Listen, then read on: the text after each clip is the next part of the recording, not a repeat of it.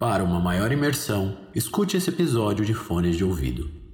Bem-vindos ao podcast Pesadelos. Antes de começar o episódio, não se esqueça de nos seguir no Instagram, pesadelos.cast, no Twitter, pesadeloscast e curtir a nossa página no Facebook. Caso queira contribuir para o crescimento do podcast, acesse apoia.c pesadelos. Aproveite o episódio e tenha bons pesadelos. Compre já sua camiseta na loja Dimensão Nerd. Usando o cupom Pesadelos você ganha 5% de desconto. Bora pro episódio. Pai, eu nunca soube ao certo, mas por que durante o inverno o sol não nasce? Acho que você já tem idade o suficiente para saber, meu filho.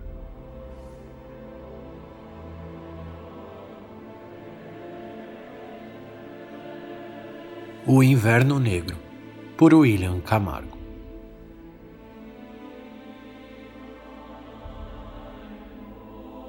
Há muito tempo, em uma terra distante, elfos e anões se uniram para ensinar a raça humana a como forjar, como construir, como fazer magia e a como viver. Tal acordo fora chamado de o Pacto da Vida. O pacto entre anões, homens e elfos dizia que as três raças se ajudariam no entanto, a miscigenação entre os povos era terminantemente proibida. Séculos se passaram e, graças à ajuda dos anões e elfos, os homens criaram seus reinos, cidades, vilas e culturas. O primeiro foi chamado de Aile, que significa família em Takar antigo, a primeira língua dos homens.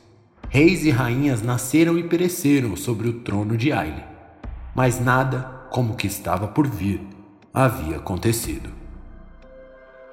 O príncipe Heitor, herdeiro do trono de Aile, se apaixonou por uma elfa.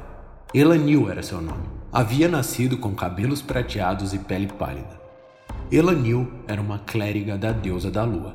Tamanha era sua fé que podia curar os enfermos apenas com o toque de suas mãos. Mas o amor entre os dois não era recíproco. Elanil vivia por sua fé, sua vida pertencia à deusa da lua. Mas o príncipe apaixonado não aceitava ser rejeitado.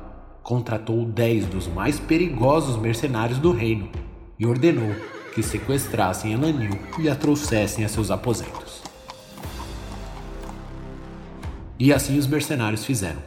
Voltaram com a clériga amarrada e amordaçada até os aposentos do príncipe, sem que ninguém soubesse.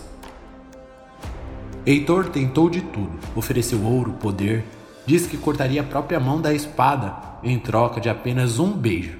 Mas Elanil só orava para que a deusa da lua a salvasse. Heitor ficou bravo e, em um acesso de raiva, violentou a elfa.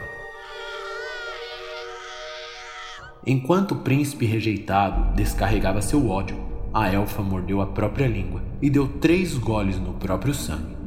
Quando o último gotejar de sangue escorreu por sua garganta, ela implorou à deusa da lua que amaldiçoasse o mundo dos homens. Daquele dia em diante, durante o inverno, nem homem, nem anão e nem elfo jamais viu o brilho do sol.